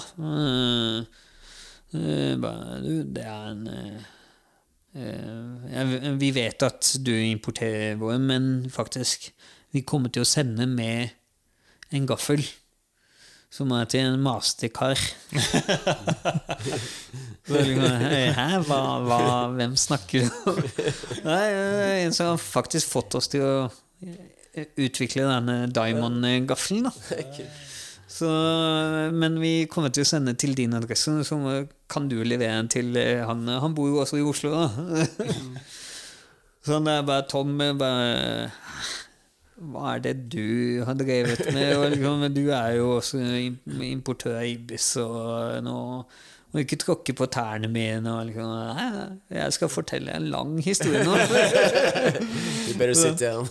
Ja, så da det fikk jeg Det var bra, den Diamond ga- gaffelen. Den var, var veldig eh, Altså eh, Ganske vedlikeholdsfritt. Jeg kom jo fra RockShox som Mm. på Jeg vet ikke kanskje 20 2015-16, et eller annet. Og da var RockShox på det, akkurat da var RockShox-skaffene da følte jeg i hvert fall Eller opplevde jeg var veldig mye vedlikehold og mye feil. Så Aslak eh, var jo eh, Jeg lurer på om han var sånn, fikk ambassadøravtale med DVO eller et eller annet. Ja. Så han solgte inn DVO, og jeg syns Jeg likte ideen om noe som ikke var RockShox eller Fox. da ja. Og det var ganske revolusjonerende å få den der Diamond på sykkelen, husker jeg. Et- Men spesielt med den OTT. Ja, ikke sant. Og et eh, av konseptene var jo at du skulle kunne mekke med helt vanlig utstyr. Mm. Ikke sant? Du trengte ikke nitrogen å blåse opp og Ja. diverse. Men eh, jo, den OTT-en, det var jo Den, den eh, kom jo fra denne Emerald-gaffelen, som var jo helt fantastisk. Eh, For et av problemene Jeg veier jo ganske lite, og at eh, skal jeg ha gaffel hvor jeg bruker hele vandringen, så må jeg ha veldig lite luft. Eh, men da bare blåse gjennom eh, midtvandringen, og så eh, må jeg rampe opp mye i, eh, på slutten av vandringen for at den ikke bare skal slå hardt inn. Og da liksom OTT-en var liksom kjempefølelsen utenom at den ødela for resten av vandringen. Så det var, det var ganske kul, eh, kul konsept. da. Eh, og så utvikla de de Onyx-gaflene som kom etterpå. Så eh, det de tenkte aller først eh, De først lagde de en Onyx utforgaffel. utforgaffel. Og eh, i motsetning til Emerald, da, hvor de kunne tune alt og, og, eh, og det, så var liksom Onyxen Den skal liksom være pre-tune, da. Ja. Eh, men så gikk det jo helt bort. Liksom, i sted, de tenkte jo liksom Onyx skal være vår enkle gaffel, altså Roxas mm. eh, sammenligna. Eh, og eh, heldigvis så ombestemte seg ok, vi kan ikke bare putte alt av eh, ju- justeringer inni gaffelen, for da må du liksom med en gang få syklisten til å åpne opp hele skiten og så tune den for å så sette den sammen og sykle. Eh, så det, det da tenkte jeg liksom ok, i stedet for at Onyx skal være billiggaffelen vår, så er liksom selge alt for samme pris, men uh, dette skal være en biffa gaffel. da. Så eh, Men du hadde, altså når vi var på Nesbyen tidligere i år, så hadde du en opp-ned-gaffel, og du snakket tidligere om det. Hva, hva, hva er greia der? Nei, eh, jeg har jo alltid hatt sansen for å være sær. Så derfor tar jeg kontakt med folk. Masete og sær. Det var jo det som var dødskult med Lightwave. men Ingen hadde sykla med, med det. ikke sant? Eh, Ives også, på et tidspunkt. Uh, nå er det jo nesten sånn hyllevare og, og renne sånn, da. Ja, de selger en del mer nå. Ja, ja, ja. Vi, uh, siste, ja, vi, har, vi har ikke statistikken de siste årene, men det var en periode vi var topp tre i verden av distributørene. Så eh, det, vi har solgt mye. Så eh, Men jo, skal være sær. og det er liksom tenkte jeg eh, har lenge sett på opp-ned-gafler. Eh, eh, vi var jo i kontakt med Exfusion, som på et eller annet tidspunkt prøvde å lage opp-ned-gaffel. Og et av ulempene Mange tenker at, at en gaffel skal være liksom veldig torsjonsstiv, da. Eh, I starten, eh, når man drev med dette tidlig på 90-tallet, så var jo alt av dempingene var jo skikkelig crap. Ikke sant? Eh, og så etter hvert så ble det liksom jo kanskje litt bedre, men kutta ut elastomer og eh, diverse, men eh, fortsatt så var det myke. Eh, og så var det jo Rockshock som kom med, med, med eh, gaffel som faktisk var stive nok, og så Maisocchi. Han som eh, startet eh, Rockshox, eh, Paul Turner, han gikk jo da, solgte jo da selskapet til Eskam, og så eh, startet et eget selskap som het Maverick. Som eh, annet lagde en kjempesær sykkel med sånne oppheng som eh, Er det UST eller UTS eller et eller annet sånt, hvor, hvor faktisk dempingen er i setepinnen. Eh, eller ikke setepinnen, seterøret. Så, ja. Eh, så den, Seterøret, ja. ja. så uh, Marvik-syklene var jo faktisk ganske kule, men en, en ulempe var at eh, jo dypere inn i vannringen, jo lenger bak havna setet, ikke sant? Ja. Eh, litt sånn som trekk, egentlig. Eh, eh, men øh, øh, han lagde da en opp-ned-gaffel. At det var i 2001. Eh, og det var, fikk meg til å liksom se stjerner. Men Det har vært veldig vanlig i motorverden. Ja, ikke sant? Fordi det gir litt mindre um, vekt på Eller sånn uavfjæret vekt. Da. Ja, eh, altså på, på sykling så har du jo litt sånn diverse ene eh, vekten du kan ikke putte på en eh, gaffel til 150 kilo omtrent. Eh, de veier ikke så mye. Men eh, eh, også har du jo det at eh, bevegelsesmønsteret på sykkel er annerledes enn på motorsykkel. Mm. litt fordi at vi mennesker som trår, er jo så uperfekte. Som gjør faktisk at bevegelse på demperne er jo ikke sammenlignbar helt med motorsyklene. Eh, men, eh, men de har jo holdt på lenge, og så eh, vet du jo fordelen til eh, opp-ned-gaffel. Eh, ene er jo selvfølgelig at eh, fòringene er jo smurt konstant, ikke sant? På Du grunn slipper å sette sykkelen opp ned i ny og ne for å smøre i gaffelen. Ja, ikke sant? Jeg så Christian Eckhoff som uh, husker snudde sykkelen sin opp ned før start på enduro. Og, Nei, jeg gjør det av og til selv. Ja, de gjør det. Ja, Pro Proffene gjør også det. ja ok. Jeg var, husker jeg så det. var Sånn. Jeg, jeg mener det var han som gjorde det. Ja, ja, husker ja, det han han hadde jo vært veldig Ja. forkjemper for det. Mm. det, det Eh, Et av de andre fordelene er jo at Som er veldig logisk eh, Tykkeste eh, delen av metallet på en eh, vanlig gaffel, det er jo nede ved navet. Mens bevegelsen eh, eh, fra liksom eh, eh, Hjulet beveger seg rett fram og treffer noe, siden eh, det mykeste delen av gaffelen er oppe ved kronen, så vil eh, gaffelen bøye seg bakover. ja. Eh, som er liksom eh, for, eh, for back-bevegelsen. For Det ser man hvis man ser på disse videoene fra Pink Park Huck to Flat. yeah. Så er det Ja. ganske mye flex i gaflene. Altså, Flex. og så- og så- Flere det Det og greier. Det Ja. ser ut som spagetti. Ja, ja, sånn. Eh, Ja, det er jo, det er jo nesten worrying. Pla- Plagsomt ord. sånn Mye flekser. Opp-ned-gaffel vil jo ha det motsatt. Der har du smaleste delen er nede ved navet. Og største delen er oppe ved kronen. Så der har du en helt stiv gaffel eh, foran og bak bevegelsen. Eh, og så Torsjonsstivheten eh, kan jo justeres på andre måter. Ja. ene er selvfølgelig har du tykkere rør, så vil du og eh, tykkere krone, så vil du ha mindre friksjon, eh, torsjon. Eh, Vridningsstivheten, da, for de som ikke bruker sånne ord. ja, ikke sant? Men eh, flex er ikke nødvendigvis en ulempe. Nei. Så lenge du klarer å kontrollere den fleksen, og den fleksen er naturlig. Ja, det ser, det ser man i hjulsett. Ja, du hører ofte sant? Mm. ryktere som sier at hjulsett er for stiv, og de vil gjerne ha litt flex. Så, ja. Ja.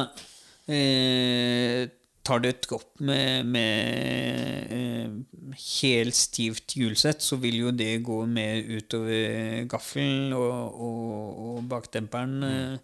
Eh, kanskje også er karbonsykkel litt skada, så kan den faktisk knekke. Men vridning av gaffelen, har det noen særlig fordel? Det er jo bare at du plutselig styrer i motsatt retning av det du har tenkt å styre. Det er ganske sjelden at du med vilje skaper en, en vridning eh, på sti, eller utfor. vanligvis så skjer det etter at fallet har begynt allerede. Så eh, eh, det er mer viktig med foran og eh, bak eh, fleksen. Så eh, Men uansett, da, min gaffel, den er ikke, den flekser ikke mindre enn eh, en, eh, eh, Hva heter det, Fox eh, 36. Mm. så vi snakker ikke mye sånn vridningsstivhet. Men det er jo også fordi at de fleste gaflene har mye eh, fleks sideveis. Og vi- vi- Kanskje du sa det, hvilken type gaffel er det du, du har? Ikke merke? Eh, Merke. intend. Intend. Intender, ja. ok, ja. Edge. Eh, og der har du en særing til, da. Eh, altså, eh, han Cornelius som starta Intend, han jobba jo for, for Trickstuff. Eh, og det er han som har designa eh, Maxima. Eh, blant annet eh, bremsene. Eh, Du har vel Nei. Nei, nei, jeg Nei. har bare Shimano. Men eh, Eckhoff har jo eh, feinschmecker-bremser. Det, er- det, er, eh, det er snakk om eh, over to års ventetid. eh, Skal du bestille til du får tilsendt i posten. Så koster jo, koster jo en halv sykkel Det er ikke to års ventetid på en ny bremseklosse? Hæ? Det er ikke to ventetid på en ny bremseklosse? Eh, Nei, for dette, det er jo relativt universalt. okay. Ok. Men eh, Cornelius han eh, jobbet av Trickstuff, og så tenkte han liksom jeg, Jeg kunne tenkt meg å lage en gaffel hvor jeg slipper å produsere komponenter selv. eh, bare bestille alt. Eh, Bare gå gjennom Du har jo fabrikk i Østen som eh, eh, sender kataloger, ikke sant? så bare gå igjennom oh, Kim der, kim der, rød her, rød der.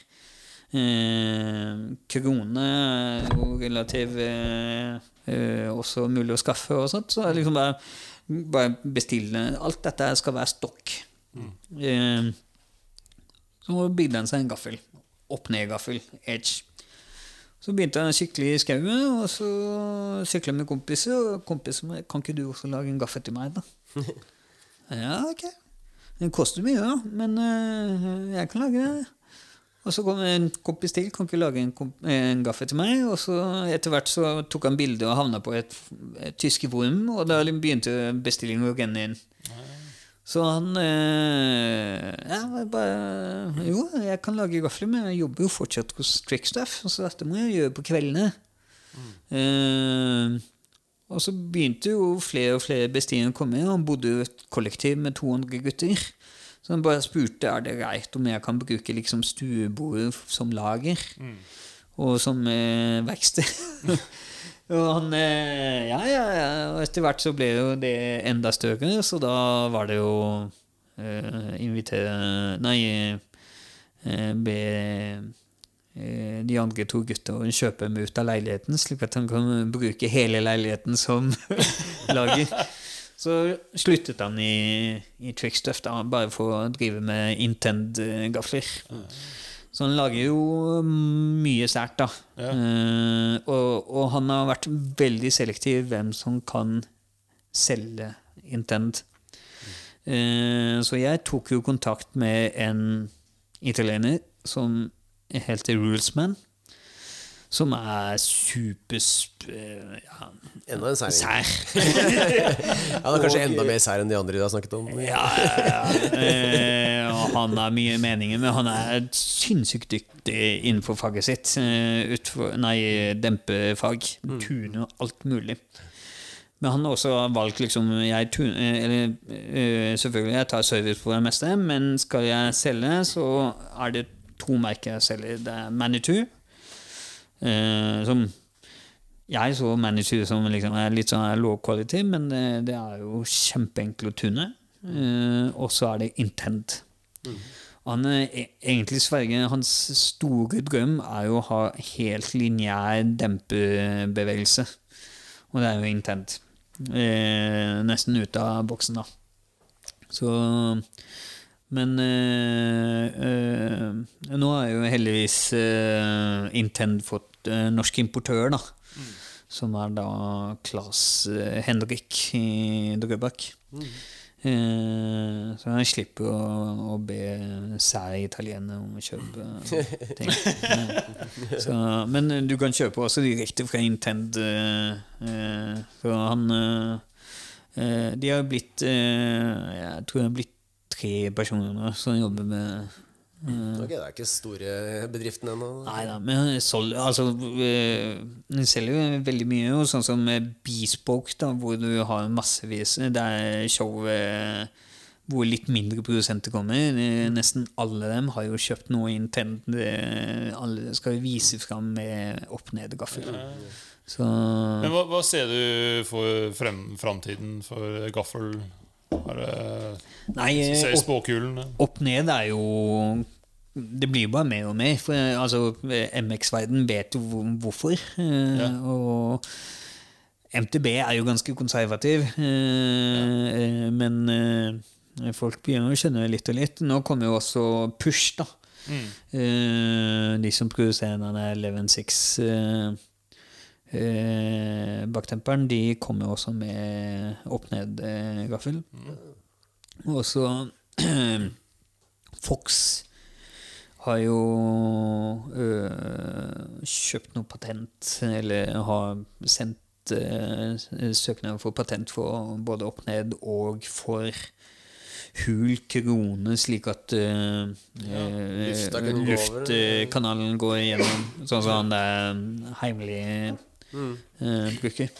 Uh, og, uh, men Fox uh, Det har blitt sett i noen eh, World Cup i cross country. eh, at det har dukka opp noen eh, med opp-ned-gafler. Så jeg tenker jo altså det, det, det er bare logisk. Det er bare fordeler. Så eh, letteste X-gaffelen nå er jo en Intend eh, Samurai med rockshock eh, compression. Eh, Men det er mange som er litt redd for at uh, en ned gaffel At eh, den eksponerte delen av altså, beinet er jo mer utsatt for skade og sånn. Eh, altså, sånn som Intenda løste det, at eh, eh, den coatingen, den er veldig myk. Slik at eh, selv om Selv om du, eh, du treffer stein, da, så er det så myk at den eh, liksom ikke skraper seg opp, da. Eh, Men også fordelen med, med opp-ned-gaffel er jo at du kan jo ikke bytte hele krona eh, eller hele innebeinet. Du bytter jo bare det ene benet. Ja, Eh, Det koster jo 70 euro å bytte. ja. Så Det, ja, det er jo noe helt annet. ja. så det er jo kjempebillig. Du bare får det Men sånn som jeg har, da Han gærne italieneren, han har jo utvikla noen sånne karbonbeskyttere. Som går på utsiden av eh, eh, eh, Utsiden av innebenet. Så jeg opplever ikke det i det hele tatt. Men det er veldig mange som eh, kjører helt uten. Ja. Så hvordan eh, Jo, eh, Push de har jo også noe sånn plastikk og sånt. Eh, og så har du jo en sånn supersært merke, eh, Bright Racing. Eh, eh, de har jo eksistert lenge fra 90-tallet. Eh, men de tror jo på at gafler ikke trenger segg. ja. Eh, så, men de har jo også noen beskyttere som istedenfor å gå fra navet opp, så går de fra ytterbena ned. da. Så, så lenge ikke det er komprimert, så, så beskytter de ikke eh, så mye. da.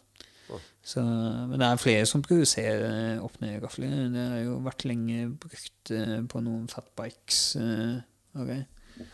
Mm. Ja, altså, jeg har sett opp-ned-gafler en stund, eh, men det, det er ikke det vanligste jeg kommer over. Nei, nei, nei. Og det er jo bare fint at det ikke er helt vanlig ennå. Jeg vet ikke hva jeg skal gjøre når jeg blir vanlig. Eh, Nei, nei. Men vi har, jo en sånn derre skriftestol, da. Ja, jeg tenkte vi må begynne å runde av litt nå, men eh, jeg tenker at en, en, en mann som har vært i sykkelindustri og verden og eh, i det hele tatt Uh, Det må ha skjedd mye gærent på veien der? Må være må være, noe- må være, må være noe svin i skogen eh, Eller i boden.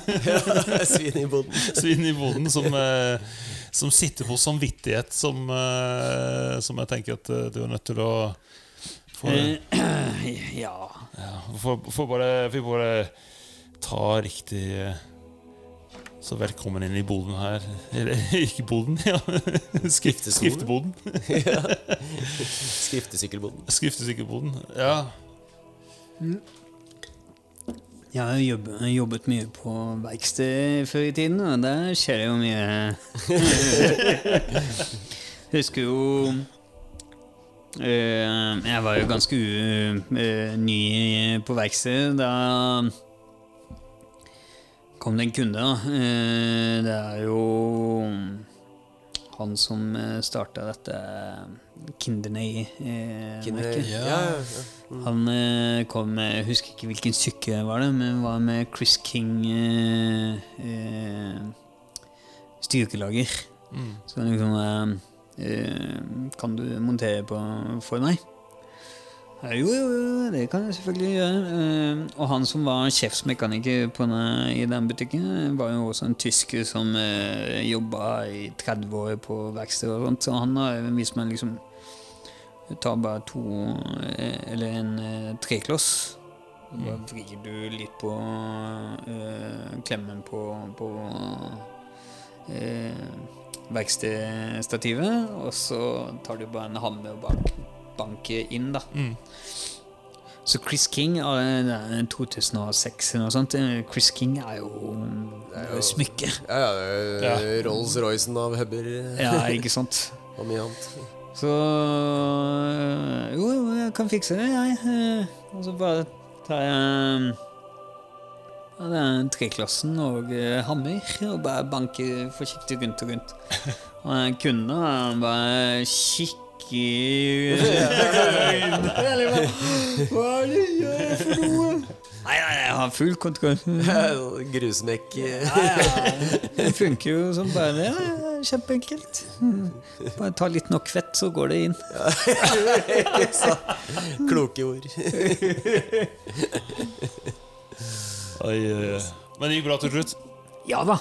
Gjør det. Jeg tipper han bruker fortsatt den Chris Kingen fra 2006. Han har garantert ikke klart å få den ut igjen. Men jeg har sett faktisk i utfor eh, Pinkpike og diverse at det er en del mekanikere som eh, bruker faktisk eh, treklasse og ha vanlig hammer. Ja, ja, ja. Mm. Det er bare å bruke den. Ikke sant? Ja, ja. Perfekt. ja men eh, så Rolls-Royce av eh, Var det styrelaget du monterte? Ja, Ja, og, og eh, en engstelig kunde. Ja. Hammer og trekloss. Eh, jeg føler at det er sånn nesten innafor, men eh, Ja. vi skal gi for innsatsen. Altså. Og, og eh, kan kanskje trekke litt av straffen fra at uh, du har vært såpass uh, villig til å prøve mye nye ting og produkter og, og bespoke eh, lagde bremser, blant annet alt mulig, som eh, litt utenfor boksen. Det liker jeg godt, men eh, litt straff må det bli. ja, det blir i hvert fall en fem av Maria, da. Ja, fem er, fem er inne for det. Ja, ja, er, Skal jeg ta en Og så blir det her fra herifra installere all, all, alt som er pressfit med hammer og Hammer og, og trekloss der først. Pressfit burde egentlig bare ta hammer uten noe eh, trekloss. Bare Ikke sant? deng Det er løs på pressfitten. Ja, ikke sant? Før eller siden går det. Ja, det er bra. Åh, jeg husker tilbake til BMX-dagen der man måtte varme ramme med varmepistol først for å gi det hele, hele hele tatt ha sjans til å få det inn. Når jeg snakker om varmepistol Jeg har jo 3D-printa holker, vet du. Eh, og eh, den ene holken sitter jo noe i- helvetes fast. Så da måtte, eh, må jeg varme Jeg skal jo bytte stem, selvfølgelig, til et som eh, du ikke skulle det er, ikke, det er ikke to løse deler. Ja. Det er ett stem, så jeg må liksom dytte Så jeg vet ikke helt hvor jeg skal få av de 3D-printa holkene. Så jeg snakka med. Med, med importørene og fortalte Vet du hva, vi fant ut at den dagen vi produserte dine holker, som var litt for kaldt, slik at den ene holken ble for tøyt. Åh. Så Ja, ja. Ja, men Det har vært veldig kult å ha deg med i podkasten. jo, takk. Takk Jeg, for jeg, at jeg, jeg har en sånn mistanke at eh, det er nesten sånn du må komme tilbake en gang til. For jeg føler at kanskje vi fikk vite halvparten av Det var egentlig inviterer. Ja, ja. Nei, men Det var veldig kult å få litt innblikk eh, i en del historier bak eh, mye ting. Og eh, ja, Opp ned gaffelet, det gleder jeg meg til. Ja, ja, ja. Jeg faktisk uh, syns de ser bra ut. Jeg har sett han Dangerholm, han gærningen som Ja, bygger disse superlette syklene. Han, mm. Han, jeg tror han eh, bruker mye Intend, gjør det ikke? Ja, han sverget sverger til Intend. eh, Ja, Han han derre Cornelius-fyren konkurrerte jo med en eller annen Jo, med, med Dangerholm. Eh, De to lager den letteste utforsykkelen. Ja, ja. Eh, Jeg husker ikke hva vekten eh, var, men eh, Det skulle være kuleste og letteste. ja. Og så håper jeg kanskje vi kan Det er et lite stort hint. Kanskje vi kan møtes opp for litt dekktesting. ja. Det, det burde vi få til. Det er jo bare piggdekk som funker nå. Ja, ja, ja. yes. Tusen takk for at dere hører på. eh, og så ses vi i skauen. Gjør vi?